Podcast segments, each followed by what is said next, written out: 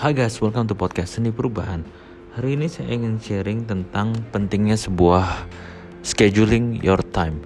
Kadang-kadang banyak sekali alasan klasik yang di mana orang bilang I don't have time, I don't have time. Saya nggak punya waktu, saya nggak punya waktu. Seolah-olah hidup kita ini sibuk banget gitu, sesibuk-sibuknya.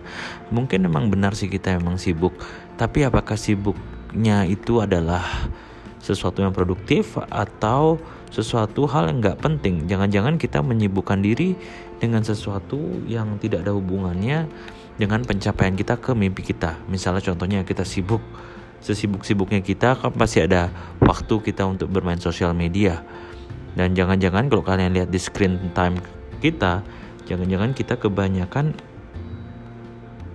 masuk ke dalam sosial media atau channel-channel entertainment lainnya sehingga itu tidak akan menjadi hal yang produktif yang di mana tidak akan membantu kita dalam pencapaian mimpi kita. Nah makanya dalam mengatasi hal ini kita itu tidak perlu mencari waktu, tapi kita itu memblocking waktu. Konsep memblocking waktu ini yang menurut saya yang ingin saya sharingkan yang sangat penting yang bisa kita gunakan dalam kehidupan kita sehari-hari.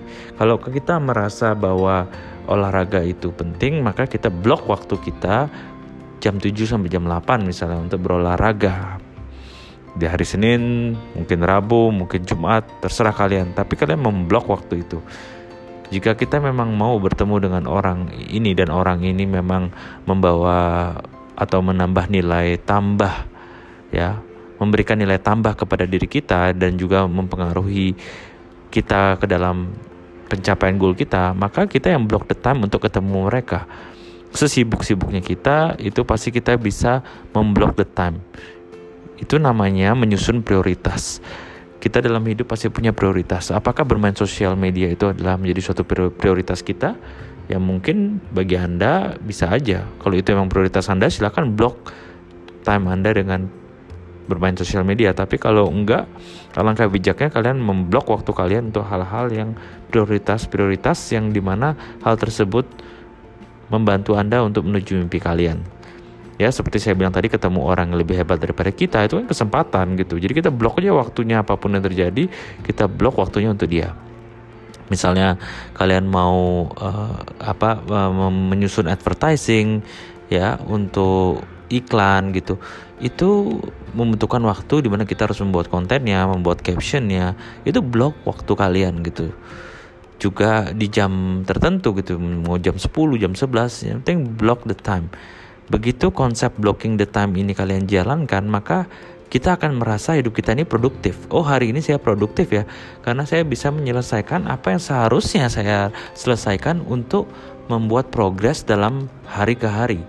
Yang penting kan progresnya guys ya dari hari kemarin apakah ada progres di hari ini atau ternyata kita jalan di tempat.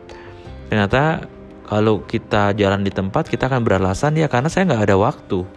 Karena saya nggak ada waktu dan akhirnya pada saat kita bilang nggak ada waktu, setelah dicek ternyata memang kita membiarkan waktu itu mengalir sehingga kita mencari kenikmatan yaitu adalah kita bermain sosial media atau mencari entertainment lainnya bermain game salah satunya.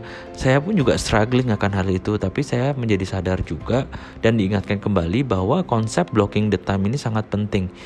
Jadi kalau kita masih punya waktu untuk scrolling sosial media artinya kita bisa punya waktu untuk membuat konten.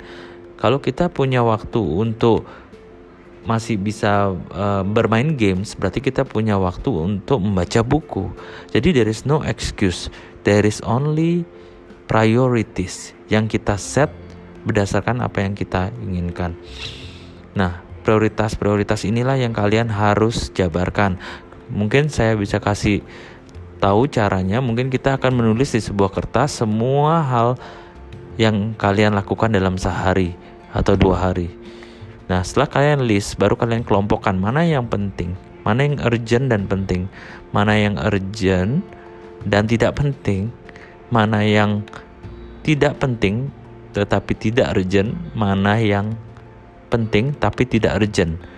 Nah, itu ada kalian bisa kelompokkan dan kalian bisa melakukan hal yang urgent dan penting dan kalian juga bisa melakukan hal yang penting tetapi tidak urgent. Itu dulu. Setelah kalian bisa memprioritaskan itu, barulah kalian mulai masukkan ke dalam agenda kalian. Blocking the time.